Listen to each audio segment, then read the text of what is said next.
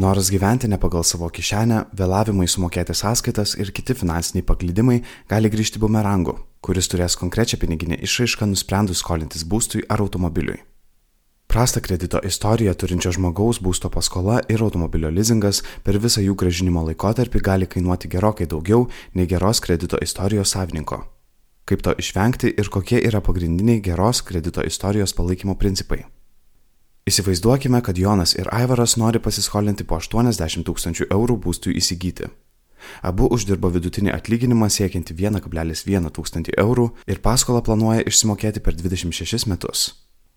Skirtumas tarp šių dviejų žmonių tas, kad Jonas visuomet atsakingai valdė savo finansus, laiku vykdė finansinius įsipareigojimus ir niekada nevėlavo apmokėti sąskaitų. Tuo metu Aivaras į finansų valdymą žiūrėjo pro pirštus ir savo kredito istoriją gerokai susigadino pradėlstais mokėjimais, greitaisiais kreditais, besivelkančiamis skolomis ir vėlavimais atsiskaityti su paslaugų tiekėjais. Pirkdamas būtą senos statybos name su būsto paskola, prastą kredito istoriją turintis Aivaras per visą paslaugos laikotarpį sumokėtų maždaug 3,4 tūkstančiais eurų daugiau nei Jonas. Jei abu už tą pačią sumą ir tam pačiam paskolos laikotarpiui nutartų įsigyti būtą A plus ar aukštesnės klasės pastate, jų įmokos per visą paskolos laikotarpį skirtusi apie 2,8 tūkstančiais eurų Jonų naudai. Skaičiuojant buvo taikoma šių metų spalio 19 dieną galiojusi Euribor palūkanų norma ir daroma prielaida, kad šis dydis nekis visą kredito sutarties laikotarpį. Jonui ir Aivarui nusprendus įsigyti automobilius, tam tikslui skolinantis po 8000 eurų ir paskolą gražinant per 5 metus, blogą kredito istoriją turintis Aivaras sumokėtų maždaug 700 eurų daugiau nei Jonas.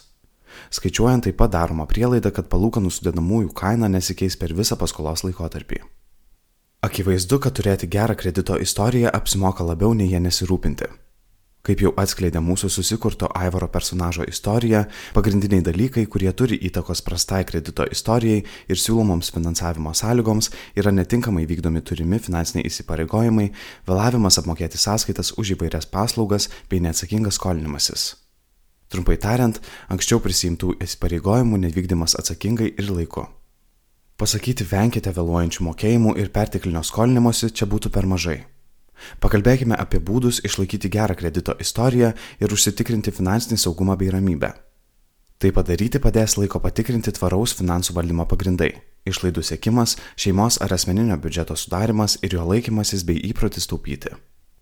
Jei nuolat atsidurėme tokioje situacijoje, kad nepaisant pajamų dydžio, gyvename nuo atlyginimo iki atlyginimo, nesugebame sukaupti santaupų, o kartais išleidžiame daugiau nei uždirbame ir turime skolintis, peržiūrėti savo finansus yra tiesiog privaloma.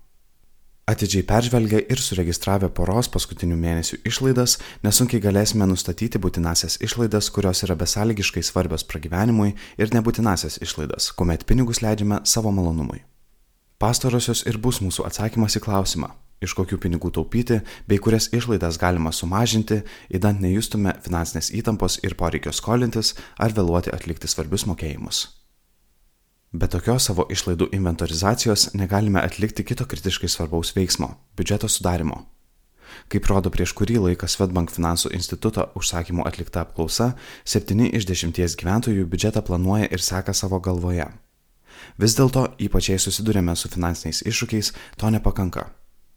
Turėtume skirti laiko biudžeto lenteliai sudaryti ir joje turėtų atsirasti eilutės būtinosioms išlaidoms, tai yra būstui, transportui, maistui, komunaliniams paslaugoms, taip pat eilutė taupimui, idealiu atveju ir investavimui ir nebūtinosioms išlaidoms. Matydami aiškiai apibrieštas sumas, kurias atitinkamiems poreikiams galime išleisti, galėsime užtikrinčiau valdyti savo finansus. Galiausiai skolų ir perteklinio skolinimosi išvengti padės sukaupta santaupų suma. Turėdami 3-6 mėnesių būtinųjų išlaidų sumos dydžio finansinį rezervą, būsime pasirengę tiems atvejams, kada netikėtai padidės išlaidos ar sumažės pajamos. Laikiną finansinį disbalansą padės sureguliuoti turimos santaupos, o neskolinti pinigai ir taip išvengsime rizikos įsisukti į užburtą skolų ratą. Komentarą paruošė Svetbank finansų instituto vadovė Juratė Cvilikinė. Įgarsino Kristijonas Vačiukauskas.